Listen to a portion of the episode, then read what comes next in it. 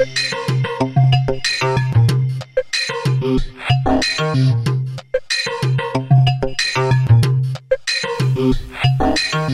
krijg je als je neurowetenschap, filosofie, psychologie en cabaret met elkaar combineert?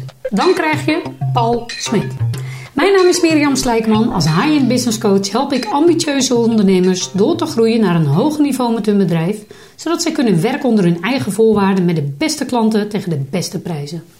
In mijn podcast spreek ik met deelnemers uit mijn programma, oud-klanten en of andere high-end ondernemers uit mijn netwerk. Ik ben nieuwsgierig naar hun drive, de weg die zij hebben afgelegd en vooral welke impact zij willen maken voor hun klanten. En vandaag ga ik in gesprek met niemand minder dan Paul Smit. Ik wil hem al langere tijd in mijn podcast en uh, nou Paul, super blij dat je hier uh, vandaag bent. Ik ben namelijk heel erg fan uh, van je werk. Paul is een van Nederlands meest gevraagde sprekers. Als filosoof en cabaretier combineert hij humor en inhoud en haakt hij in op thema's als samenwerking, innovatie, beïnvloeding, verandering en werkgeluk. Paul studeerde af op de evolutie van het menselijk bewustzijn en schreef maar liefst 13 boeken over filosofie, psychologie en neurowetenschap. Ook werkt hij samen met neurowetenschapper Aitja Sapora met betrekking tot het ondersteunen van hersenonderzoek aan de Universiteit van Leiden en Dresden. Even wat feiten op een rij. 20 jaar ervaring, 3000 optredens, een gemiddelde beoordeling van, let op, 9,23, 13 boeken, 6 trainingen, een bedrijf in New York samen met topcoach Scott Bird, een pagina's lang portfolio van bedrijven waar hij al zijn kennis al heeft mogen delen. En het grappige is, zijn carrière was alles behalve gepland. Het hangt met toevalligheden aan elkaar. Hoe het allemaal begon en wat Guido Weijers hiermee te maken heeft, ik ga het hem allemaal vragen in deze podcast. Nou, welkom Paul. Dankjewel, dat is nog eens een uh, mooie introductie. Wat een introductie, hè? Maar allemaal waar, toch? Het is allemaal waar, ja. Leuk. Nou, nogmaals, ik ben echt superleuk dat je hier in deze podcast uh, bent. Want uh, zoals ik zei, nou, ik vind het erg interessant. Ik volg je zijdelings en nou, zeer interessant wat je ook allemaal doet. Fan van je werk.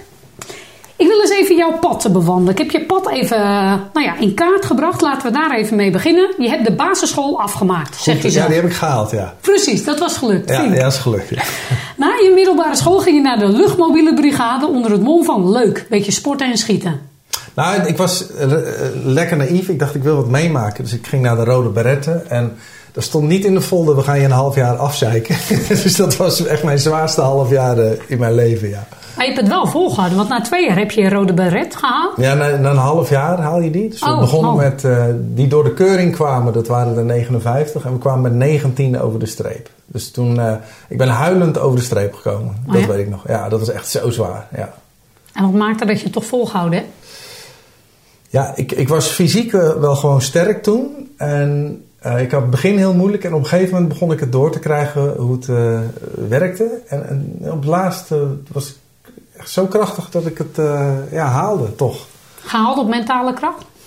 Ja, en, en, en, en je ja. moet fysiek ook echt heel sterk zijn om het te halen. Dus, maar het was, en, en, en wat mijn voordeel wel is, daarna is de rest van je leven, als je even een beetje er doorheen zit, weet je, het is nog helemaal niks. Ja, dus in het ondernemen heeft het me geholpen dat als ik echt dacht, oeh, ik kan echt niet meer. Dat je denkt, joh, je zit niet eens op de helft. Precies, en weet je nog dat punt? Dat heb ik ook Nou, gehad. dat. Ja. Dus ja, ja. Dus dat, het helpt je wel in je mindset. Ja, maakt je ook weerbaar. Ja. ja. precies. Nou goed, na die rode baret stelde je ouders gerust en ging je studeren. Juist. Wat ging je studeren? Uh, ik ging, uh, ja, ik weet niet of de studie nog bestaat, uh, Hogeschool Rotterdam, culturele maatschappelijke vorming gericht op kunst en Ah, ja. cultuur. Een totale nutteloze studie. Wat grappig, die heb ik ook gedaan. Oh? Ja, oh ja, nou ja, goed. Nee, ik had geen motivatie voor iets anders, dus ik werd in die klas gezet. Ja, ja nee, daar komt iedereen terecht die het niet weet. Zoals ik, ja. Het zijn de beste waarschijnlijk. Ja, ja, dus nou ja, goed. Dus, maar het was wel leuk. Ik heb vier jaar lang een feest gehad en bier gedronken. Nou, dat is precies het grappige is. Ik heb er niet zoveel geleerd van school, maar ik heb er wel over mezelf geleerd en Ja, uh, hele andere dingen heb ik daar geleerd. Ja, absoluut. Maar goed, uiteindelijk ging je in 1999 studeerde je af op de evolutie van het menselijk bewustzijn. Ja. Waar jij zelf zegt, ook daar kon je niks mee qua carrière. Nee, totaal niet. Ja, dat is ik vind dat zelf wel interessant. Hè? En de non-dualiteit en het bonisme en solipsisme. En dus, maar dat is gewoon omdat ik een freak ben waarschijnlijk. Maar ja, daar kun je natuurlijk in je carrière 0,0 mee. Dus, uh, dus ja, dus ik ben toen uh, ik ben festivalmanager geweest nog. En daarna ben ik een IT-bedrijf begonnen. Ja, oh, precies. Ja, dat je, ik moet ook. toch wat, ja. Nou ja, inderdaad. Je werd festivalmanager en je begon een IT-bedrijf. Hoe, hoe? Er was, toen ik festivalmanager was, was er een jochie die uh, maakte de website daar. En die haalde in die tijd 5000 gulden per maand binnen. Dat was echt astronomisch. Dat was meer dan ik als manager. Dus ik zei, hey, wat doe je even middag? En die heeft het me in een middagje uitgelegd. En toen ben ik naar de KVK gegaan. En zei ik, nou, nu heb ik ook een IT-bedrijf. En toen, ben ik, was, toen kwam dat net op, hè, die websites. Dus toen ben ik voor goed geld uh, websites gaan bouwen. Slim, slim. Slim, hè? Altijd ondernemer in je gezeten? Ja, wel. En ik kan niet onder een baas werken, want ik, heb geen, uh, ik ben ongevoelig voor autoriteit. Dus dat was ook in het leger niet heel handig, moet ik zeggen. Ik wou zeggen, hoe heb je dat gedaan? Ja, dat ging wel eens mis. Maar, en en ik, ik uh, nee, nee, ik laat mij gewoon mijn eigen ding doen. Want ik, ik eigen wijsheid? Ja, nou, ik denk wel dat ik heel eigenwijs ben. En ik wil altijd veel te snel. Uh, dus, dus in een bedrijf zou ik niet populair worden. Nee. Herkenbaar. Ik werd ja. ook regelmatig op het matje geroepen. Ik dacht ook echt ja. dat ik de slechtste leidinggevende was. Terwijl later dat ik besefte dat ik gewoon twee, drie jaar voorliep. Nou, dat, Precies dat, ja. Maar dat is leuk. Kijk, de meeste mensen, en dat is prima, hè, het brein wil energie besparen. Dus mensen zijn dol op routine, op houvast en vastigheid. En alleen je hebt van die types in de oertijd er al tussen zitten met te veel dopamine. En er zijn altijd die mensen die zeggen, we gaan verderop eens kijken. We gaan dit eens proberen. Alleen de gemiddelde groep zit daar helemaal niet op te wachten. Nee, precies. Want dat. Die zeggen, ja, bedreigt de status quo. En ik wil mijn routine vasthouden. Dus dan word je niet populair. Ja, ik snap het opeens ook. Ik kan het helemaal plaatsen van toen. Ja. Hey, maar ondanks dat je gewoon een goed lopend bedrijf, want je bedrijf heb je eigenlijk, liep eigenlijk best goed, Ja. er toch het podium. Ja, ik raakte bevriend met Guido Weijers. En die brak net door. En ik dacht, dat is kicken cabaret. Dus toen kon ik mijn bedrijf verkopen. En, uh, en, en toen uh, ben ik gewoon voor alle dronken studenten gaan staan, hardrockcafés. En Guido heeft mij geholpen van hoe, werkt cabaret? Hoe maak je een grap? Hoe time je? En uh, ja, sindsdien trekken we al 22 jaar met elkaar op. Ja, want is het nu 22 jaar geleden dat je hier echt mee begonnen bent? Ja, ja, ja, ja, zoiets wel, ja. Ja, bizar. Ja. Echt, uh, want inderdaad, je geeft uh, nou, vooral heel veel presentaties. Een mm -hmm. van Nederlands uh, meest gevraagde sprekers, zeg keynote speakers, zeg maar, maar je geeft ook trainingen. Nee, uh, die verkoop ik wel, maar dan doen collega's van mij oh, pakken die op. Nee, want mijn spanningsboog is veel te kort. Ik, ik ben... als ik een knallen. dag deel, dan ben ik alweer verveeld. Nee, laat mij een uurtje knallen en dan ja. ga ik weer naar huis. Ja. Dus echt jouw werk bestaat vooral uit uh, inderdaad, ja. Nee, goed, inderdaad. Hè. Mijn eerste vraag was: waar komt Guido Weijers in beeld en welke rol heeft hij gehad in dit verhaal? Maar dat heb je eigenlijk net gezegd. Nou, een grote rol, want hij heeft mij de kneepjes van het vak geleerd en hij heeft mij echt het setje gegeven dat programmeurs van theaters uh, naar mij gingen kijken. En, en ik kreeg kansen. Dus ook zijn netwerk? Nou, dat is puur netwerk. Maar ja. je moet, moet, wel iemand hebben die jou net eventjes dat zetje. En daar ben ik hem eeuwig dankbaar voor. En ik ben daarna vanuit het cabaret natuurlijk in het vak gerold wat ik nu doe. En dat is ook een beetje dankzij hem, omdat hij me meenam naar zijn mentor, die ook dit soort dingen doet. En dat dacht ik, oh, dat past beter bij mij. Dus, dus hij heeft echt wel een hele grote invloed gehad op mijn uh, verloop qua carrière. Ja. En wat is hetgeen, wat het belangrijkste eye-opener die je van hem echt geleerd hebt als je kijkt naar op het podium? Nou, op het podium begint het met een grap. Uh, de, je, je, hebt altijd de premise, de opbouw. En dan is er altijd heel even een timing pauze. En, en dan maak je de clue. En dan moet altijd het laatste woord moet de grap zijn. Ja, dat is maar één van de technieken. Maar hij heeft me dat wel... Als ik met materiaal kwam, dan ging hij shuffelen met woorden. En dan was het opeens wel grappig. Dus, ja, dus dat, dat heeft, heeft, hij me echt wel een spoedcursus humor uh, gegeven, zeg maar. Spoedcursus humor, nou dat klinkt ja. goed inderdaad. Ja, want dat is hè, even voor de mensen die jou niet kennen. Jij combineert een heleboel dingen met vooral keynote speaker... waarin je eigenlijk, hoe, hoe zeg ik het, filosofie, psychologie, neurowetenschap en cabaret combineert. Ja, ik vertel eigenlijk uh, inderdaad met, met heel veel humor uh, vertel ik hoe ons brein werkt. Zodat ja. mensen, ik kom net bij Mars vandaan, die hebben ook bijeenkomsten drie keer raden wat ik kreeg. Mega. Heel mijn achterbak ligt vol met... Uh, dat zeg je nu pas. Met chocola, ja sorry. Heerlijk.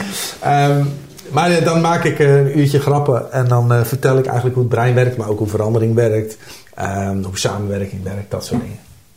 En even, want ik ben, heb eigenlijk twee vragen. A, hoe komt het dat je hier zo geïnteresseerd in bent geraakt? Dat heb ik al van kinds af aan, zat ik al in de bibliotheek uh, alles uit te spitten. Waarom leef ik? Uh, wat doen we hier? Hoe zit het in elkaar? Hoe functioneer ik? Dus ik heb altijd al in mijn tien jaar ben ik op zoek geweest na, naar vragen. En, dus ik heb alle religies langs gegaan, filosofieën, noem het maar op.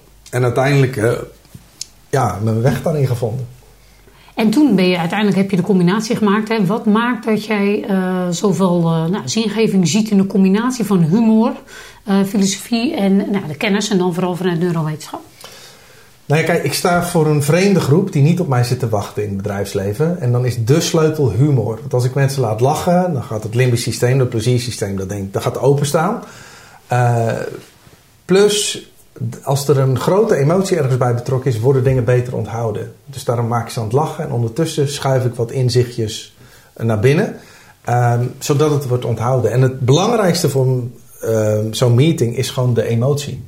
Dus als mensen mij over een jaar tegenkomen, dan weten ze nog dat het leuk was. Maar ze weten van de inhoud waarschijnlijk uh, niks meer. Hooguit één ding misschien. Nee, grappig. Even, ik speel in een band. Hè? Dat is ongeveer ja. hetzelfde. Ze vonden de band fantastisch. Geen idee welke band het was. Nou ja, nee, maar dat. dat Precies, maar het was wel gezellig. Dus het, het brein onthoudt de emotie. En daarom ja? is het in het bedrijfsleven loopt het mank, maar ook op websites. We overladen iedereen met cognitieve onzin, met al die informatie. En daar is dat brein helemaal niet op gemaakt. Hou het zo simpel mogelijk. Neem ons even mee in de werking van het brein. Vind ik toch leuk, hè? Er zijn nu luisteraars, let op luisteraars, de werking van het brein. Wat zijn specifieke belangrijke dingen als we kijken naar ondernemerschap bijvoorbeeld? Dingen hè, die voor ondernemers interessant zijn. Vaak uh, focussen we veel te veel op onze neocortex. Is heel simpel. We kunnen het brein om drie lagen onderverdelen. Het oudste deel is gewoon je reptiele brein. Die wil overleven en die is dol op routine, want dat bespaart energie. Dan heb je je limbisch systeem, je zoogdierenbrein. Die wil plezier krijgen en pijn en moeite vermijden. En dan hebben we de neocortex, die kan een doel maken. Dus je kunt, ik zie al die ondernemers en ook grote bedrijven, die gaan allemaal op cognitief niveau kernwaarden opstellen, beleidsplannen, protocollen. En die denken dat er dan iets gaat veranderen. Maar die oudere twee delen in het brein zijn veel sterker. En dat reptiele brein denkt, net, ja, net als, als je denkt ik ga 10 kilo afvallen. Dat roep je met je neocortex. En het reptiele brein denkt, ja, ik eet iedere dag chocola. Ik ga niks veranderen. En het zoogdierenbrein denkt, ik wil gewoon plezier. Dus, dus waarom zou ik uh, van, van de McDonald's wegblijven? En hoe veranderen we dat dan? Want inderdaad, je zegt die neocortex is niet zo sterk als die andere twee. Maar wat, hoe, hoe werkt dat dan? Hoe kun je nee, daar dan toch echt, echt invloed op uitoefenen dat je dat wel gaat realiseren? We veranderen maar op twee momenten. Dat is of vanuit passie of vanuit urgentie. Ja, precies. Dus er moet een leidensdruk zijn waarom dat brein switcht. En je hebt dan uh, mensen die zo gedreven, intensief gemotiveerd zijn, die gaan vanzelf. Um, maar wil jij nu veranderen, Um, doe dat met hele kleine, concrete stappen. Met hele kleine stapjes. Probeer de 1%-regel. Probeer maar eens 1% een keer aan te pakken. Zeg maar 1% vermenigvuldig. Maar laatst zei iemand tegen mij... Uh, taaltechnisch klopt dat niet, geloof ik. Nee, nee. nee. Maar het werkt wel, inderdaad. Nee, het werkt. Dus doe, doe het met hele kleine stapjes. Ja. En dan, uh, dan kun je wel een verandering realiseren. Ja. Precies, want mensen kunnen altijd één stap maken. Ik bedoel, er is altijd een stapje die je kunt maken die is ook te overzien, ja, inderdaad. Ja. En maar wil je in één keer die hele berg beklimmen? Nee, grote abstracte doelen kan ons brein niets bij. Ja, nee. fascinerend. En je hebt meer dingen, hè? Want ik bedoel, je hebt ook een bedrijf in Amerika, dan met, uh, met topcoach, uh, hoe heet je ook alweer? Scott Bird. Scott Bird, inderdaad. Hoe, hoe kom je in New York? Ja, ja uh, ik raakte bevriend met hem. Uh, hij is een paar keer naar Nederland geweest. En toen hebben we gewoon uitgedacht... hoe kunnen we deze kennis hier, die in Amerika nog veel minder verspreid is... ook daar brengen. Dus hij geeft ook keynotes. En af en toe dan, uh, dan coachen we... Ik coach hem en hij coacht het bedrijf weer. Ik zit hem, soms ben ik daar ook zichtbaar, maar liever niet. dus dan is het meer een soort consultant-achtige rol. Maar niet zelf dus op podium in Amerika, jij? Nee, nee hoor, dan blijf ik vliegen. Nee, nee, dus hij ja? doet het en ik heb een straaljagerpiloot opgeleid, die doet het ook daar. Die, die geeft met militaire precisie, heeft hij het uit zijn hoofd geleerd. Dat is echt hilarisch. Maar dus zij geven daar dezelfde keynote als ik hier in Nederland, maar zij doen het daar. Dus je moet het echt zien als een soort, je bent het aan het uitrollen, maar niet het, zelf. Het is haast een soort franchise. Ja, precies. Ja. Ja. ja, briljant. Nou, inderdaad, uh, ik, je bent een van Nederlands meest gevraagde sprekers. En die hebt ontzettend veel op, op ja, optredens gedaan. Kijk maar eens op zijn website, jongens. paulsmit.nl Nu. Paulsmit.nu, inderdaad. Nou, dan zie je... Ik ging even kijken, al die bedrijven, er, er kwam geen eind aan. Is er één optreden of keynote die je echt is bijgebleven? Ja, je onthoudt ook weer daar waar de grootste emotie is. Dus de, de, de meest extreme dat er gewoon ruzie ontstond in het publiek. Bijvoorbeeld dat mensen gillend wegrenden en dat er een knokpartij was. Ja, dat weet je dan Serieus? nog. Ja, en je onthoudt de, de, de unieke plekken waar je speelde. Hè? Dus als je naar Barcelona vliegt van optreden. Ja, dat is zo uniek voor dat brein. Dat, dat, dus dus de, de, vooral degene in Europa. Uh, dat, ja, laatst Luxemburg nog omdat dat dan zo anders is dan je standaard dingetjes hier, Ja. dat weet ik dan nog. Is dat ook omdat onze hersenen dat beter onthouden of omdat het nieuw is? Eh, Werkt dat dan ook zo? Dat het meer indruk maakt? Ja, nee, kijk, als jij in de oertijd uh, opeens tegen een leeuw aanliep, had je een grote emotie. En dan wist jouw brein, ik moet dit onthouden, want ik weet nu, dit is gevaar. Maar als je daar liep en je vond een appelboom, kreeg je een grote emotie. Yes, appels. En mijn jouw brein dacht, ook nu moet ik het onthouden, want hier kan ik volgend jaar weer appels vinden. Dus zo is geprogrammeerd in ons dat daar waar een grote emotie ontstaat, slaat het brein het op. Ik vraag in mijn show vaak, wie weet er nog waar je was op 9-11? 90% weet nog precies. Weet het ook nog in precies. detail weet je Ja. dat. En dat komt, dat was een grote emotie en dus wordt het opgeslagen in je brein. Ja, misschien was het ook om dat punt om een relatie uit te maken toen. Maar Dat, dat, ja, ja, nee, maar dat is een dubbele emotie, zeg maar. Nooit meer vergeten. Nee, wel flauw. Nee, maar dat klopt inderdaad wel. Ik- Het is ook altijd van dat we zeggen, het leven gaat steeds sneller. Dat is natuurlijk niet zo. Maar ik denk dat er steeds minder momenten zijn die misschien echt een grote emotie veroorzaken. Waardoor we het minder... Zeg, zie ik dat dan goed? Werkt dat dan zo? of werkt dat klopt. anders? Nou, het, het, heeft, het is tweeledig. Ehm, je maakt, vind gewoon je maakt eh, minder dopamine aan als je ouder wordt. En dopamine is natuurlijk ook wat, hetgene wat deels die emotie creëert. Ja. En alles wat voor ons brein repeterend is, voelt als korter. Als ik vroeger een half uur naar school fietste, dan was de eerste keer net na de zomervakantie, dacht er komt geen eind aan. Maar als je dat honderd keer hebt gefietst, voelt het als kort. En omdat je dus, als je ouder wordt, heel veel repeterende dingen hebt, voelt het als korter. Cool, interessant. Dat is toch leuk. Wij zitten eigenlijk helemaal niet zo eh, op dit stuk. Hè? Want dit gaat ook over een heel onbewust gedeelte van ons eh, brein. Terwijl eigenlijk precies, wij zitten heel veel op de cognitie of op de bewuste zuiver. Ik heb me wel eens laten vertellen dat eigenlijk 93% van de keuzes ook die we maken onbewust zijn. Nou, het is 100%. Oh ja? En alles vindt dus plaats op onbewust niveau. En daarna rolt het pas met een kleine vertraging in jouw bewustzijn. Dus als jij iets. Bizar, hè? Als jij, nou ja, dat is vanuit de neuromarketing natuurlijk heel interessant. Dat Ja. als iemand iets koopt. Stel, ik koop een jas. eh, dan is het mijn onbewuste brein die die jas koopt. En een fractie van een seconde daarna creëert mijn brein de illusie. Ik koos deze jas. En dan krijg je nog cognitieve dissonantie. Dan gaat het brein ook nog eens een verhaal verzinnen over waarom ik die jas heb gekocht. Maar neuromarketers weten nu, ja, die waarom, dat is allemaal bla bla. Je hebt geen idee waarom je doet, waarom je doet. Dus je gaat op een hele andere manier kijken naar eh, hoe gedrag tot stand komt. En ook hoe eh, ons gedrag gewoon heel makkelijk eh, eigenlijk te manipuleren is. Ja, en jij volgens mij, hè, jij helpt, ze- even kijken of ik het goed zeg, je helpt bedrijven ook echt om daar veel meer invloed. Hè, hoe zou je daar ook meer invloed op kunnen uitoefenen, zeg maar, vanuit onder- ondernemerschap of bedrijven, klopt toch?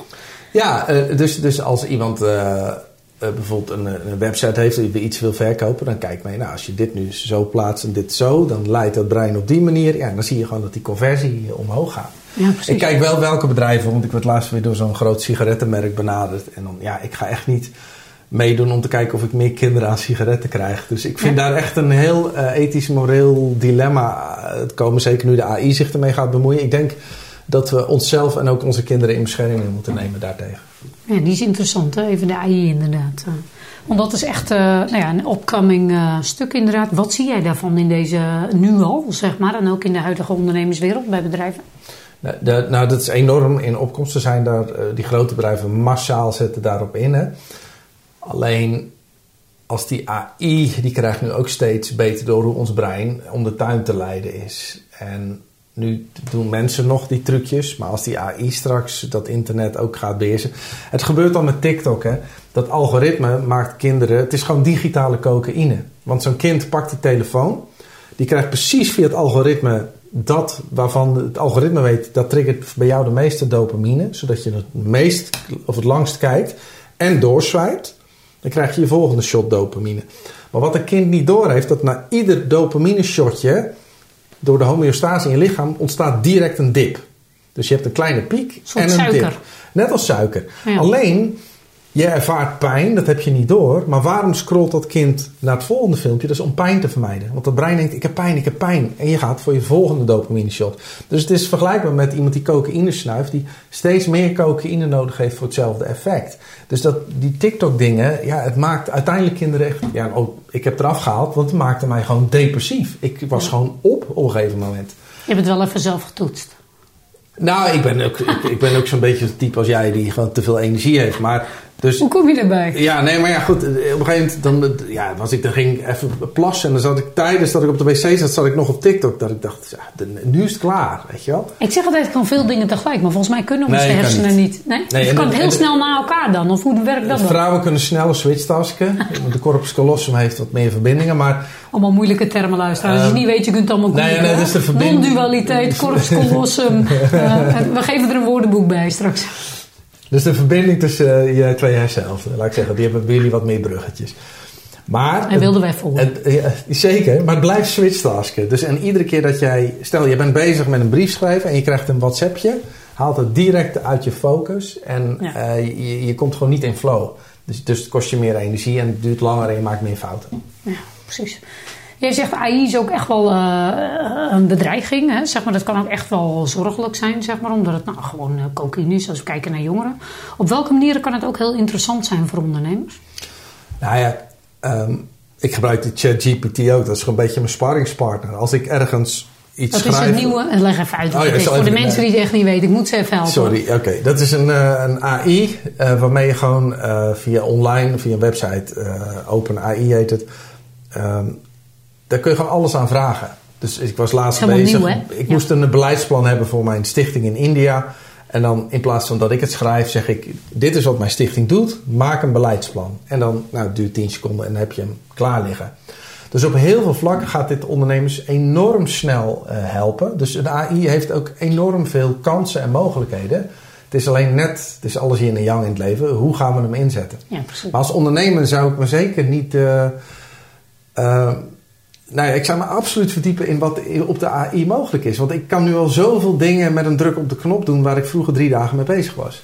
kan gewoon heel veel tijd besparen ook. Dus Enorm kan veel het tijd. gewoon. enorm eh, veel tijd. En ja. het biedt inspiratie en alles wat repeterend is, dat kan die voor je doen. Dus En ja. waar zie je de grootste valkuilen voor ondernemers en bedrijven in het kader van AI? Ehm, nou, er gaan natuurlijk heel veel banen verschuiven. Dus alles wat repeterend werk is als ondernemer, moet je al bijvoorbeeld gaan afvragen: heeft dit nog enig nut? Is het over vijf jaar sowieso nog een business die nuttig is? Het gaat nu om de menselijke factoren. Kun jij verbinding maken? Kun jij vertrouwen opwekken? Kun jij ehm, abstract denken? Dat kan dat ding ook niet zo goed. En onze creativiteit is ook nog wel uniek. Maar het zijn echt de, de menselijke eigenschappen waarmee je nu het verschil maakt. Maar ja, ik was stond laat ook voor notarissen. En toen zei die grote baas ook voor 500 notarissen in de zaal: Wat gaan jullie nu doen? Nou, hoezo doen? Gewoon ons werk. Nee, jullie baan is er straks niet meer. En dat begint nu al, want je hebt al een AI eh, voor advocaten. Dus als ik een rechtszaak Mhm. moet starten, hoef ik geen advocaat meer natuurlijk. Ik zeg tegen de AI: Dit is mijn case, echtscheiding bijvoorbeeld. Ik vul hem in. En die kent het wetboek beter dan een advocaat. En zegt: Alsjeblieft, hier is het advies. Zoiets zijn voor de Belastingdienst. Daar is al een Nou ja, nee, maar die moeten dat ook eens gaan gebruiken. Dat is echt een rommel daar trouwens. Maar goed, ik treed daar ook voor op. Dus ik zeg het uh, genuanceerd Als de deze. Belastingdienst u luistert, hartstikke goed. Ja, dat is echt Precies. leuk. Het zijn wel hele leuke mensen, dat wel. Alleen, Zeker, die- absoluut ook welwillend. Hè. Het gaat nooit over niet willen, inderdaad. Ja. Maar natuurlijk, daar is gewoon heel veel kennis weggelopen. En natuurlijk een tijdje, daar hebben ze een aantal die, die zakelijke... ene regeling die ze hadden Precies. van je mag nu weg, alle talenten zijn bedankt voor Precies, het geld. Mazzel, ja. Ja. Of dat nou de meest slimme zakelijke keuze was. Nee, nee, nee. Maar dat zie je ook dit verschil tussen overheid en een commercieel bedrijf. eh dat is echt een groot verschil. En als je kijkt, hè, even neuromarketing en AI, zie je dan ook, eh, want hier in Nederland en, en andere landen, zie je dan, eh, waar staat Nederland dan ook bijvoorbeeld in de ontwikkeling? Kun je daar ook iets over zeggen? Dat vind ik ook wel interessant. Nou, ik denk dat wij eh, best wel eh, oplettend zijn als ik ook ondernemers zie van wat gebeurt hier allemaal in. Wij zijn natuurlijk best wel een pragmatisch eh, volkje en cultuurtje. Dus we hebben best wel veel talent in Nederland ook. Ehm, dus- Maar lopen we voor of lopen we nou, ik achter? denk d- dat wij wel ehm, zeker niet achterlopen. Kijk, je ziet met- Silicon Valley en zo, die zitten natuurlijk Ja. bovenop. Dus dat, dat gaat nog veel harder. Ik zie wel, als ik bij mijn compagnon hoor wat zij allemaal al met die AI uitspoken en wij hier, dan, maar goed, zij zitten er ook iets meer op. Ja. Dus, maar we lopen zeker niet eh, achteraan, nee. Oké, Cool, ik ben heel benieuwd wat het allemaal... Want even, we hebben het over neuromarketing. AI. Je hebt gewoon een aantal onderwerpen waar jij keynotes over hebt, toch? Ja, ik, ik inmiddels uren materiaal, dus ik... eh, Maar de- de- dat, ik word bijna nooit gevraagd om over die AI te praten. Heel soms wordt het benoemd. Dus Is dat wel een wens om dat meer ook te gaan doen? En Nou dat mensen het, ook daar eh, bewuster van te gaan maken? Nou ja, wel ook de, de, kans. Nou ja, missie niet echt, maar de kans. Wat ik interessant vind is namelijk van wat gaat straks de AI doen en wat maakt ons, onze menselijke eigenschappen die uniek zijn. Die kan een AI niet. Hè? AI heeft geen bewustzijn. Uh, en die hebben wij wel. Dus wat gaan wij als mens nu doen? En, en verduidelijk dat dus even voor de mensen die het misschien niet helemaal begrijpen, waaronder ik zelf dan ook misschien. Maar even, wat zou een AI dan niet goed kunnen, zeg maar? Wat altijd blijft bestaan of wat we altijd zelf. Nou, wat, wat we me goed moeten realiseren is dat een AI een heel dom ding is eigenlijk. Dus hij kan wel hele Slim maar dom. Eh, eh, slim maar dom. Dat is goed gezegd. Want een AI kan bijvoorbeeld nu al de prachtigste muziek maken. Eh, schilderijen, composeren. Dat is niet normaal wat hij kan. Ja. Maar hij heeft geen bewustzijn. Dus hij kan het maken, maar hij kan er niet van genieten. En levende wezens hebben wel bewustzijn. Dus wij kunnen genieten van kunst. Maar dat, dat kan die zelf niet. Dus in dat opzicht blijft het gewoon een, een dom ding. Maar ja, op cognitief niveau en, en is die ons echt wel ver vooruit op bepaalde Ik ben ook heel, maar goed, we gaan uh, wijken uit, maar vind ik toch even leuk. Ik ben zelf dan ook wel heel nieuwsgierig waar deze wereld uh, heen gaat, zeg maar. Hè? En zal het ons mensen op bepaalde vlakken, uh, het is ons natuurlijk ergens al voorbij ook. En toch zal het nooit helemaal, dus hoe gaat zich dat straks verhouden en, en wat gaat dan winnen of zo? Vind het ook wel interessant. Nou ja, het is Elon Musk is wat de, de negatieve daarover. Hè? Die zegt gewoon, jullie maken je allemaal druk over het voornaamwoord of iemand een hij, zij of het is of wat dan ook. En ondertussen is de AI, gaat jullie hele wereld kapot maken. Dus hij is vrij negatief. Uh, ja, ik zie, hij heeft waarschijnlijk veel meer verstand dan ik natuurlijk, maar ik zie ook wel kansen. Ik ben, ik ben heel benieuwd. En zeker, alles heeft voor- en nadelen natuurlijk. En het is ook maar net in welke handen komt het en waar zet je het voor in het social media natuurlijk. Dat is waar. Heeft, uh, ja. Nou goed, hartstikke leuk inderdaad. Even, als je gevraagd wordt, even terug naar jouw werk. Wat voor soort bedrijven werk je voor en waar vragen ze je het meest voor? Leuk om even te horen. Waar ze het meest voor vragen is simpelweg thema verandering. We ja, zitten in een aantal thema's, hè? Inderdaad. Ja, ja. ja, En uh, dus dan leg ik eigenlijk met humor uit hoe verandering werkt. En dat, dat is voor alle bedrijven. Net Mars. Gisteren stond ik voor de MBO-raad. Dat is weer, weer school. Uh, morgen staat voor een nieuw ziekenhuis wat geopend. Dus het is van heel commercieel tot aan belastingdienst. Tot, en dat maakt het wel heel leuk. En wat is de vraag ten aanzien van verandering die het meest leeft dan bij, bij, uh, bij bedrijven? Nou, wat, wat, je standaard ziet is dat bedrijven, dan gaan ze op de hei zitten, een heel rapport schrijven en alles uitdenken. En die denken dat als ik een strategie heb, gaat er ook iets gebeuren. Ja, nou, dat is net met goede voornemens, dat werkt niet zo. Uh, en ik laat dan eigenlijk zien, je moet natuurlijk wel een, een doel en een visie hebben. Maar de oudere delen in het brein, het onbewuste brein, is veel sterker. Dus hoe stuur je nu daarop? Hoe maak nu dat iemand meegaat in die verandering? Omdat nu zie je dat 70% van het verandermanagement mislukt. Omdat ze, ze roepen wel van alles, maar uiteindelijk de mensen die het moeten gaan doen denken: ja, het zal wel. Ja, precies. Het is zo'n papieren tijger van bovenaf. Ja, en het jaar daarna komt weer een nieuwe directeur, een nieuwe high-sessie. En we hebben al 16 veranderingen gehad. Dat, ik was toen bij de Belastingdienst. I rest my case, precies. Die, toen zei zo'n man, dit wordt mijn 17e reorganisatie. Hij denkt, je denkt toch niet dat ik nu nog denk van, nou, nu, nu, nu wordt het anders. En wat zeg je dan? Ik zeg, nee, daar heb je gelijk in. Het wordt dus, ook niet anders. Nee, het wordt ook niet anders. Maar je ziet wel dus de kleine dynamische bedrijven waar echt nog die passie en dat vuur brandt. Ja, die, die, dat gaat echt enorm snel, want die gaan. Maar hoe werkt het dan wel? Kijk, ik kom zelf ook uit een nou, jeugdzorgorganisatie. En we zeggen, hè, het is niet allemaal heel snel hè, verandering. Soms ook gewoon letterlijk in mijn ogen af en toe een beetje bezigheidstherapie. Zonder daar uh, echt een mhm. waardeoordeel aan te koppelen. Maar hoe kun je daar dan toch verandering in? Wat gaat dan maken dat het wel kan veranderen? Um, nou, dat zit hem vooral. Er zijn wat verandertechnieken zoals implementation intention. Dat wordt ook door de Navy SEALs en Special Forces gebruikt. Waarbij, houdt in? Eh, dat, het is het hele simpel. Het is als dan. En daarmee bedoel ik, als koppel je aan een routine die je dagelijks hebt. Dus ik heb bijvoorbeeld, als ik ochtends koffie pak, dan drink ik een glas water. Dus je moet het brein trainen dat, dat als ik ga douchen, doe ik 20 sit-ups. Dus, en als ik uh, een emotie met iemand voel, dan ga ik uh, bellen in plaats van uh, mailen. Dat soort dingen. Oh ja. Dus je moet het brein eigenlijk op hele basale patronen trainen. Om, ah, klassiek conditioneren ook. Nou ja, het is haast de Pavlov, zeg maar. maar, maar dat, dus dat is een van de manieren. En je kunt natuurlijk het onbewuste brein kun je sturen door omgeving te veranderen. Dus als technologieën veranderen, maar ook de omgeving, dat kan wel in kleur zitten of waar zet je wat, dan gaat het gedrag van mensen ook mee veranderen. En dan heb je nog de sociale druk. Hè? Als een bepaalde groep meegaat, nou, ons brein wil nooit buiten de groep vallen, dan gaat hij ook mee. Dus er zijn wel eh, diverse methodieken die werken. En schaarste, want in ondernemerschap hebben we het ook vaak over schaarste of dat soort dingen. Is dat nog interessant uh, ergens om mensen mee te krijgen in verandering? Of, uh, ja, schaarste werkt natuurlijk, dat is een van de technieken eh, de principes van beïnvloeding. Daar waar schaarste is, raakt het brein in paniek. Ehm, dat kun je gebruiken, maar dat moet je niet te vaak doen, want dan ga je te veel op angst sturen. Oh ja, maar ik vind dat het moet ook wel echt zijn. Moet niet het Nou ja, dingetje kijk, zijn. als Alles ik, valt als ik zeg, met de... nog maar vier plaatsen beschikbaar. Als het niet waar is, dan moet je het niet neerzetten. Nee, precies. Ja. Ja, dus het moet wel kloppen en echt. Ik vind het ook om, maar dat sowieso in marketing of hoe alles wat niet echt is of wat echt een kunstje is, hebben mensen uiteindelijk gewoon door korte termijn winst. Dat is waar. Ja, precies. Ja, dat denk Oké, dus eh, je wordt vaak gevraagd als keynote speaker voor themaverandering. Ja. Wat daarna? Wat worden er nog meer voor gevraagd? Want je hebt nog meer leuke thema's. Ja, nee, ja, de, we hebben de, de, de beïnvloeding, dat is natuurlijk één. Dat is vooral als ik voor neuromarketing sta. Oké, wat, wat maakt nu dat dat brein iets koopt? Hè? Dus Ja, dan precies. kunnen we gewoon zien. oké, nou, Supermarkten op ooghoogte of zo hebben. Nou ja, dat dingen. ik stond laatst dus voor allemaal supermarkten. En dat is, dat is een bekende techniek. Hè, maar het moet ook 19 graden zijn. Dan kopen we het meest. En je moet Ja. altijd beginnen bij de groente. Want dan heeft het brein het idee... ik ben gezond bezig. Dan wordt je nucleus accumbens geactiveerd. Dan wordt je beloningssysteem gaat aan. Voel je beter over jezelf. En dan koop je uiteindelijk 10% meer.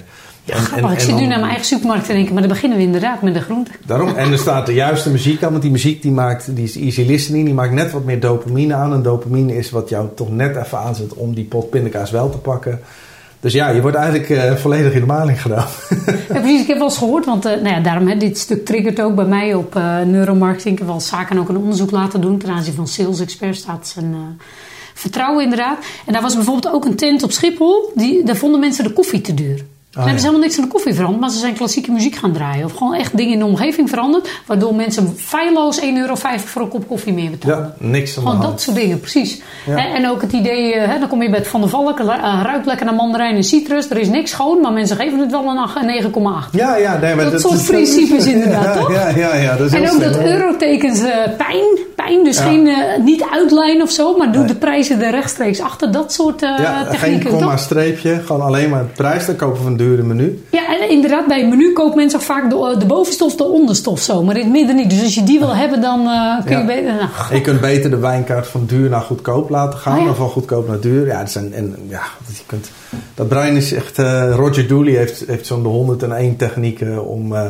om iedereen in de maling te nemen. Maar ja, het werkt echt. Ja. Oh jongens, dat is leuk om even te weten. Dus eh, wil je iets meer weten over neuromarketing en de technieken? Eh, Roger Dooley. Roger Dooley, ja, dat is echt zo'n eh, autist die alles heeft uitgeplozen. Maar hij heeft wel leuke dingen. Ja. Maar dit zijn, ja, ik vind dit dus echt briljante dingen. Hoeveel ondernemers weten dit niet?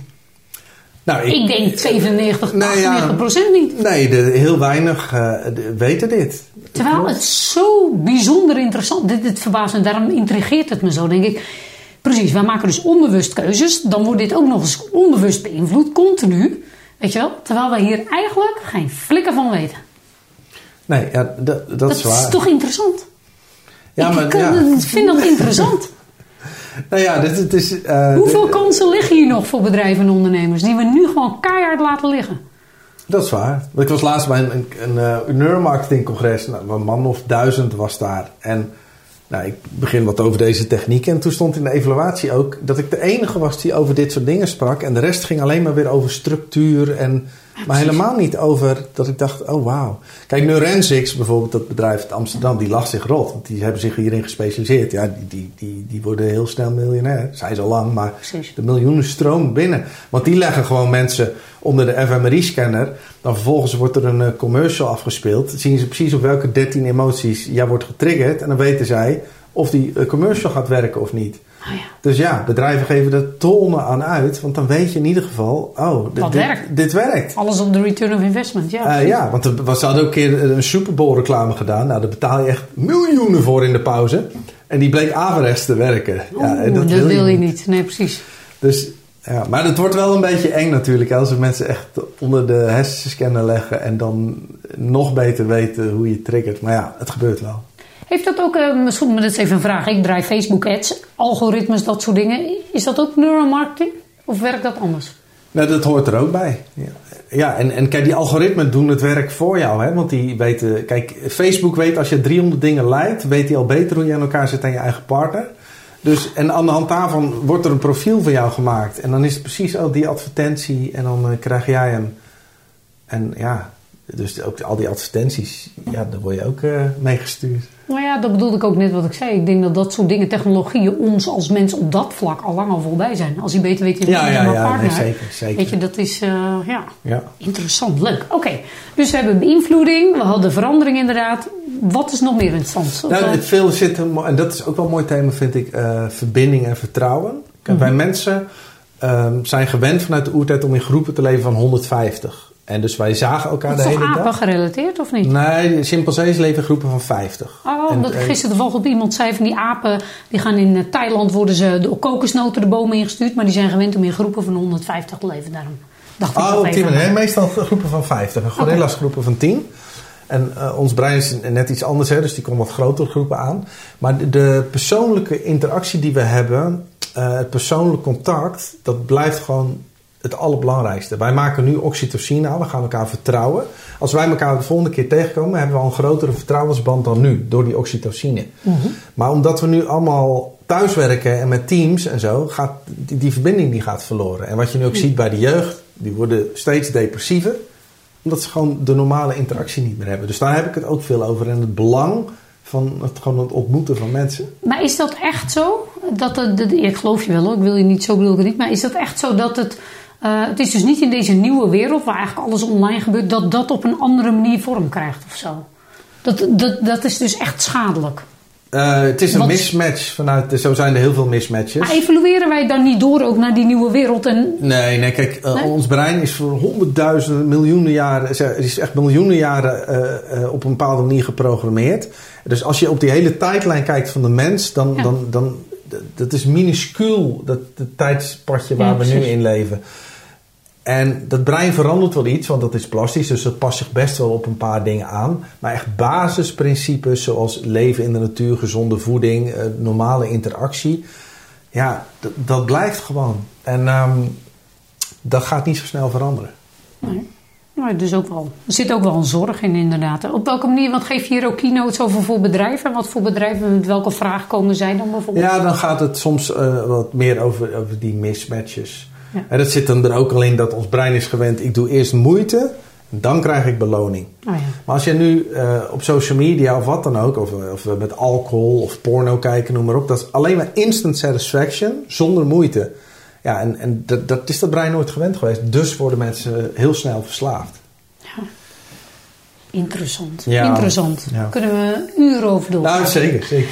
Oké, okay, verandering, beïnvloeding, verbinding. Zijn er nog meer keynotes? Uh, anders ja, kijken, doe je volgens mij? Ja, dat, dat zit er meer op perceptie. Hè? Dus, er zijn nog steeds mensen die denken dat hoe zij de wereld zien, dat die ook zo is. Ik moet Nou. zo lachen als ik filmpje van je kijk. Dan is het van, zie je de eend of het konijn? Je ziet nooit allebei. Je ziet of je vrouw of je minnares, maar nooit allebei. Nee, klopt. Maar die grap die moest eruit, want dat vonden mensen in deze Echt waar? woke-tijd eh, alweer te grof. Ah, dus ja, zegt, je kan niks meer Oh ja, zeggen. merk je dat? Kun je niet Ja, alles meer zeggen? verschrikkelijk. Mensen zijn, stellen zich zo ontzettend aan. Het punt met mensen is, ze nemen zichzelf veel te serieus. Dus als er dan een grapje wordt gemaakt, ja, is iedereen instant gekwetst. En ik zeg altijd, nee, je bent niet gekwetst. Het, nee, het is jouw reactie, jouw subjectieve reactie op een stukje tekst, die maakt dat jij je gekwetst voelt. Maar kun je dat juist dan niet ook gebruiken in je shows? Ja, nee, maar bij bedrijven, ach man, man, man, dit- en dat, dat LBTQ, weet ik het, het, het is allemaal over, overgevoeld. Dat is een, dat is een fase, hè, dat waait ook wel weer over. Maar voor comedians is deze tijd niet heel leuk, want bij het minste of geringste word je gecanceld. En eh, Ja, precies. ja, dus kijk, en humor is juist bedoeld om gevoeligheden juist ter te sprake te brengen. ja. En humor ontstaat door dingen uit te vergroten. Dus ja, als je dan al een grap maakt eh, over iets, het is allemaal goed bedoeld. Maar dat is, ligt ook in het bedrijfsleven nu heel, heel gevoelig. Vind ik wel even interessant om ook even het lijntje te leggen naar ons brein dan. Want in deze fase dat we zo gevoelig zijn, wat gebeurt daar dan? Nou, dat is, mensen nemen zichzelf bloedserieus. Dus als er maar iets is eh, waar ze zich in geraakt voelen, dan wordt dat emotionele brein actief. En als je emoties overroelen, doet je neocortex niet meer, kan je niet meer helder nadenken. En tegenwoordig kun je dan direct op Twitter gewoon al je emotionele incontinentie, noem ik het, kun je botvieren. En dan, dan ga je los met z'n allen. Eh, dus het- ik vind het een beetje eh, het ontbreken van geestelijke volwassenheid. Ja, zijn wij minder geestelijk volwassen dan vroeger? Nou, in bepaalde opzicht wel. Ik, heb, ik neem mezelf niet serieus. Je mag tegen mij alles zeggen. Je mag me beledigd op het bot. Er is echt geen enkel moment dat ik zeg van nou, nou. Nou, doen we straks even naar deze dat, podcast. dat mag. Ja, nee, ja, goed. Maar goed, de mensen met wie ik werk, die maken me de hele dag belachelijk. Dus dat zijn het gewend van elkaar. Maar ja, ik vind dat allemaal niet zo, zo erg een beetje kritiek. En Maar ik denk het valt of staat ook met intentie.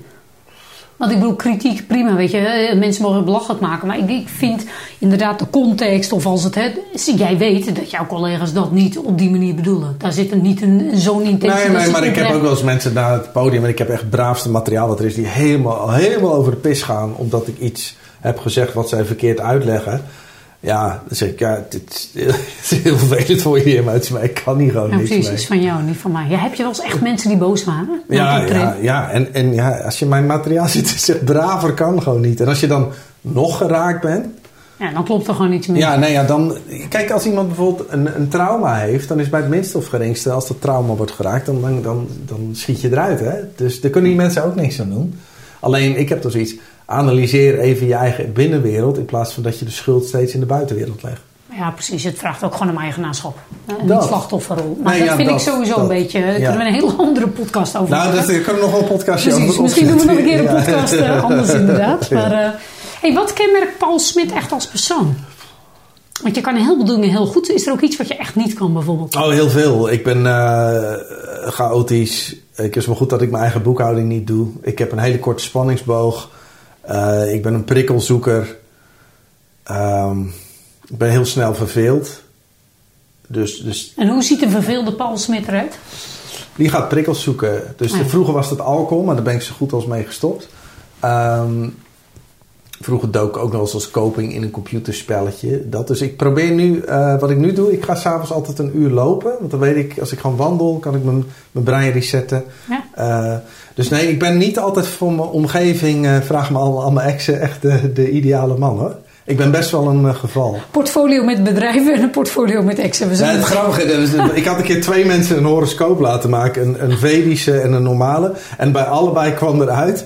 Zakelijk zul je heel veel succes hebben. Op relationeel vlak wat leermomenten. Nou, Maar dat is dan blijf je wel- lekker zakelijk, Ah, toch? Ook goed. ja. Ja. Ja, ik bedoel, je hoeft ook niet alles te kunnen in het leven, denk ik altijd. Doe vooral gewoon waar je kwaliteiten liggen. Nou ja, dat. Paul, waar kunnen wij jou midden, voor, in, midden in de nacht voor wakker maken? Ik heb altijd één vraag in mijn podcast, die moeten we gewoon stellen aan iedereen. Oh, jeetje, midden in de nacht van wakker maken. Ja, ik vind Ding dong, de bel gaat. Paul, hier zijn we. We maken je wakker. Nou ja, als, als leuke mensen zijn die langskomen, ik ben eh, eh, gezellig, dan, eh, dan gaan we toch wat alcohol drinken. Dus, Lekker nee, wijntje. Nou ja, nee, maar ik, ik heb al, als ik 's ochtends wakker word, vind ik iedere dag, ik ben echt wel een heel blij mens of zo. Ik heb iedere dag denk ik wakker, ah, ik kan weer dit doen. Dus als ik s'nachts wakker word, soms ook, en ik val niet meer in slaap, dan ga ik gewoon leuke dingen doen. En ik vind heel veel wat ik bedrijfsmatig doe leuk. Ik met bestel mensen ook de meest briljante dingen. Ik verzin de meest briljante dingen s'nachts. Ja. De volgende ochtend heb ik spijt, want dan is mijn dochter gewoon om zes uur wakker. Ja, maar, maar ik bestel ook altijd eh, dingen, weet je wel. Dan eh, zegt die- mijn man, die zegt, wat heb je nou weer besteld? Nou, nieuwe stoelen en een bank. En eh, dan zie ik het opeens of zo. Ja, grappig hè? Dus je brein in rust en opeens heb je dat overzicht. Maar Ja. creativiteit komt ook vanuit rust, hè? dus dat is ook... Nou, juist, juist. Creatief, en dat vind ik ook hilarisch. Met IZ doe ik af en toe neurowetenschappelijk onderzoek aan de Universiteit Leiden. En dat gaat heel specifiek op hoe werkt creativiteit in het brein. En wat wij mensen doen, wij gaan brainstormen. Maar brainstormen is dus de slechtst mogelijke manier. Want je gaat allemaal met je hele beperkte 60 bits aan bewustzijn heel hard nadenken. Alleen daar komt het niet vandaan. Het zit hem in het onbewuste brein, wat in de alfa-stand komt, wat in rust is. En dan krijg je de ideeën cadeau. Maar die is nou wel weer interessant, want dan trigger je weer een gebied. Ik ben natuurlijk ook eh, design thinker, creatief denken. Hè? En inderdaad, hè, we werken allemaal via focus en vaste structuur onze hersenen. Daarom is het heel moeilijk ook om tot nieuwe dingen te komen. Maar als je creatief denktools inzet en associeert, zou je wel tot nieuwe ideeën kunnen komen. Of is dat eigenlijk ook waanzin? Nee, dat, dat is goed. Ehm, wat je daarmee doet, het beste is namelijk om eerst je brein te voeden. Voeden met nieuwe informatie. Dus zeker als je ook gaat associëren. Of een vriend van mij bij SOP, die gaat dan ook met het hele eh, designteam naar de Efteling om zich te inspireren. Dan gaan ze weer daar naartoe. En je brein voed je met nieuwe ideeën. En daarna moet je je brein met rust laten. En dan krijg je uiteindelijk, soms Ja, twee, precies, drie dagen ja. daarna, heb je opeens het idee. Dus voeden, rusten en dan komt het. En dan komt het. Maar, Ja. maar niet, niet, niet denken dat als je met elkaar zit, dat je in één keer het idee gaat krijgen. Dat gebeurt precies. zelden, zelden. Ik vind design thinking ook erg tof. Vind ik ook heel leuk. Nou, zeker, maar met, met die technieken eh, verdiep je ook je brein om op, met, op verschillende manieren te kijken. En ja, de design thinking is natuurlijk helemaal hot eh, inmiddels, maar terecht, het werkt. Ja. Nou ja, goed, toen ik in 2011 mijn bedrijf op ging zetten om eigenlijk het doorbraak innovaties voor eh, bedrijven in de markt te zetten, toen was er eigenlijk was het meer een nice to have in plaats van een must have. Oh, ja, ja, ja. Daarom ben ik dit gaan doen. Ik had een goud idee, maar ik dacht, ik krijg het niet van de grond. Er moet Ah, iets, iets leren over marketing en sales. En hoe zet je dat bedrijf nu neer? En inderdaad, nu is er veel meer aandacht voor, omdat mensen gewoon veel meer de waarde zien. Maar toen waren mensen er nog niet zo Nee, aan toe. nee, dat is een andere hè? fase, Ja, eh, inderdaad. zo. Terwijl ja, ook daar liggen gewoon eh, ja, wel echt briljante dingen. Eh, Je hebt het nodig om te innoveren. En dat lukt vaak niet met, hè, Albert Einstein zei het al. Hetgeen wat je bedacht hebt, gaat je niet nieuwe dingen opleveren, zeg maar. Nee, daarom. Precies. Dus voed je brein en laten we met rust. Dat, eh, dat werkt het best. Wij kunnen jou dus midden in de nacht wakker maken voor... Ah, leuke discussies eh, mag ook, of nieuwe ideeën. Ja hoor, ik ben er voor heel veel in. Mooi. Ja. Wat, eh, hoe ziet de toekomst eruit, eh, Paul? Welke ambities heb je nog? Nou, ik heb geen ambities. Ik mag iedere dag doen wat ik leuk vind. En, en mensen zeggen, ja, visies, missies. Ik denk dat voor een groot bedrijf heel goed is. Maar als ik nu kijk welke drie projecten ik vorig jaar ben gestart... die heb ik allemaal, heb ik in één minuut, heb ik ja gezegd. Iemand komt op een pad of, of net en dan, oh, poef. Ja, en ik Dus- heb het ook niet zozeer over missie en visie en al die saaie dingen. Maar gewoon, is er nog iets waarvan je echt denkt... Ja, dat zou ik echt nog willen. Dat lijkt me echt vet tof. Als ik dat heb. Nee, ik heb al alles mogen doen. Dat klinkt echt super blasé. Maar ik ben eh, ontzettend content met het pad voor zover. Ik zie wel wat zich ontvouwt. Ik, Dat is eh, een mooie fase, toch? je Ja, dat is een fijne eh, fase, ja. En ik Ja. hoop dat ik dit nog een tijdje kan doen. En dan... eh, Dan met pensioen, toch? nou ja, nee, ik ga, ik ga als ik een jaartje of... Mensen wil je Paul Smit nog boeken, doe het nu, want je weet nooit wanneer Nee, ik ga nog wel gaat. nog even door, maar ik, ja, Arno, mijn, mijn boekingsmanager, mijn vriend, zeg maar, die zegt ook, ja, ik ga op een gegeven moment echt in mijn vakantiehuis in Spanje zitten. Want ja, als het op een gegeven moment financieel niet meer hoeft, dan vind ik ook andere dingen in het leven nog leuk. Nou ja, Dus, precies. eh, En er is meer in het leven dan dit alleen. Ja, zo ik vind of, het ook of heel leuk, high-end maar, ondernemen. eh, Doe alleen de allerleukste klussen en de rest. Ja, maar dat doe ik al. Dus ja, het is al leuk. Leuk. Paul, is er nog iets, want we gaan eh, richting afronding inderdaad. Eh, wat is nou echt leuk om aan ondernemers ook nog mee te geven hè, vanuit de werking van het brein? Iets waar zo even een leuke laatste tip, waar eigenlijk elke ondernemer of bedrijf echt wel iets aan heeft. Zeker, ik help ondernemers in de groei. Hè? Dus ze hebben al een bepaald niveau en ze willen echt doorgroeien naar de next level. Kun je daar iets op bedenken waarvan je denkt, nou dat is in ieder geval echt handig om bij stil te staan? Of om, Nou, ik vind zelf, vind ik, een bepaalde breinkennis, die zou eigenlijk ieder ondernemer moeten hebben. Ik heb zo vaak dat, dat dan een CEO naar me toe komt en zegt, waarom wist ik dit 30 jaar geleden niet? Dat had me zoveel gedoe gespaard. Ehm, dus wat ik met Arno en Aitje doe, is gewoon eigenlijk die, die basisprincipes in het bedrijfsleven brengen. Zodat want als je snapt hoe dit ding werkt, bij jezelf, bij je medewerkers, bij je klanten, heeft het echt, geeft het je echt een voorsprong. En ik vind het ook raar dat we op school van alles moeten leren. Adreskunde, geschiedenis, noem maar op. Maar hoe we zelf in elkaar zitten. Ja, biologie, leuk. Maar leer een kind nou eens hoe je gedrag werkt. Leer een kind nou eens wat social media met je doet. Leer een kind hoe, hoe je je motivatie vindt. En het belang van rust en noem maar op. En nou ja, gisteren ook speel ik voor die MBO-raad. En er komen ook weer docenten van... Ja, maar dit moet in het onderwijs wat je hier vertelt. Zeg daar ben ik het mee eens. Ja, maar dat gaat zo stroperig in onderwijsland. Dus, nou, ook daar eh, kunnen we nog volgens mij een hele nieuwe podcast over opnemen. ja, nee, zeker. Maar, maar ik, dus als ondernemer... eh, Ja. ik, ik denk als je... Ik ben ondernemer, ik wil groeien inderdaad. Hè. En wat zou de breinkennis, wat is in ieder geval van de breinkennis, wat mij gaat helpen om daar een echt een goede stap verder te zijn. Ja, dat, dat zou ik echt... eh, ik denk dat het je echt helpt, ja. Ja. ja. En stel dat ik nou een ondernemer ben, nou inderdaad Paul, klinkt heel logisch wat je zegt. Hè? Want vaak klinkt het allemaal heel logisch, we kunnen het zelf niet bedenken, maar als iemand dat zegt tegen ons. En wat dan? Stel dat ik daar iets op zou willen leren, wat zouden zij dan kunnen doen? En mijn boek kopen. Nee, nee, Welk van de 13? Nee, nee, ik heb met Nee, maar serieus. met je hebt Aitja- 13, je hebt ja, 13 ja. boeken. Welk boek is het meest? Want dat, Dat is helemaal oké. eh, Jongens, kijk even op zijn site. www.paulsmit.nu. Er staan 13 boeken. Je dacht, ik schrijf er ook gewoon 13, niet 2 of zo, maar 13. Ja. Welk boek moeten we hebben om dit stuk? Welk is het meest de, de interessant? breinkennis die heb ik met Aitja geschreven. Dat is veranderen voor luie mensen. En daar staan eigenlijk de basisprincipes in.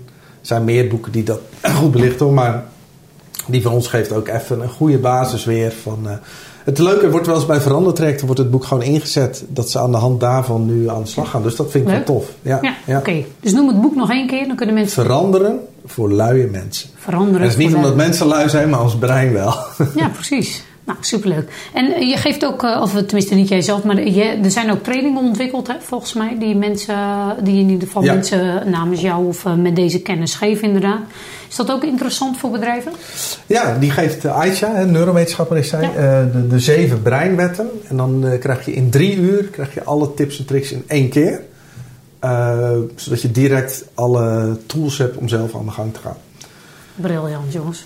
Ja, dat is een leuke training. Ja, Superleuk, Paul, om deze Ja, vond podcast... eh, Thanks. ja, vond je het zelf ook leuk? ja zeker. En ik kreeg nog een, een, een heel diner bij jullie, dus ik ben echt super verwend hier. Ja, precies. Nou, dat was eh, helemaal eh, goed. Ik eh, vind het echt eh, superleuk. En eh dankjewel voor deze podcast. Ik denk voor ondernemers gewoon zeer interessant. En ik wilde gewoon ook nou, vooral zichtbaar maken. Inderdaad, omdat het mij interesseert dat er nog zoveel is waar we eigenlijk geen gebruik van maken. En inderdaad, hoe kan het dat Ja. wij dit niet weten? Terwijl het zoveel impact heeft. Zeker. Dus daarom nou ja, wilde ik heel graag ook deze podcast doen. En vooral deze podcast ook maken voor jullie luisteraars. Dus eh, ik hoop dat jullie in ieder geval een stuk wijzer zijn geworden. Ga even naar zijn website www.paulsmit, smit met een t.nu. En daar vind je niet alleen eh, zijn 13 boeken, waarin je vooral eh, het boek over luie mensen moet hebben. maar ook de training De Zeven Breinwetten door Aitja is zeer interessant als je hier meer wil- van wil weten. En nou ja, je hebt het gehoord. Als je dit niet weet, eigenlijk kan dat gewoon niet meer in deze tijd. Dan laat je heel veel kansen liggen. Dus eh, doe er je voordeel mee. Pauw, bedankt. Yes, jij ook? Heel graag gedaan. En dat was de podcast eh, voor deze, deze keer. En eh, nou, je weet het, volgende keer weer een nieuwe podcast. Wat er dan gaat worden, nou, dat houden we nog even in het midden. Maar in ieder geval ook zeker weer interessant. Stay tuned!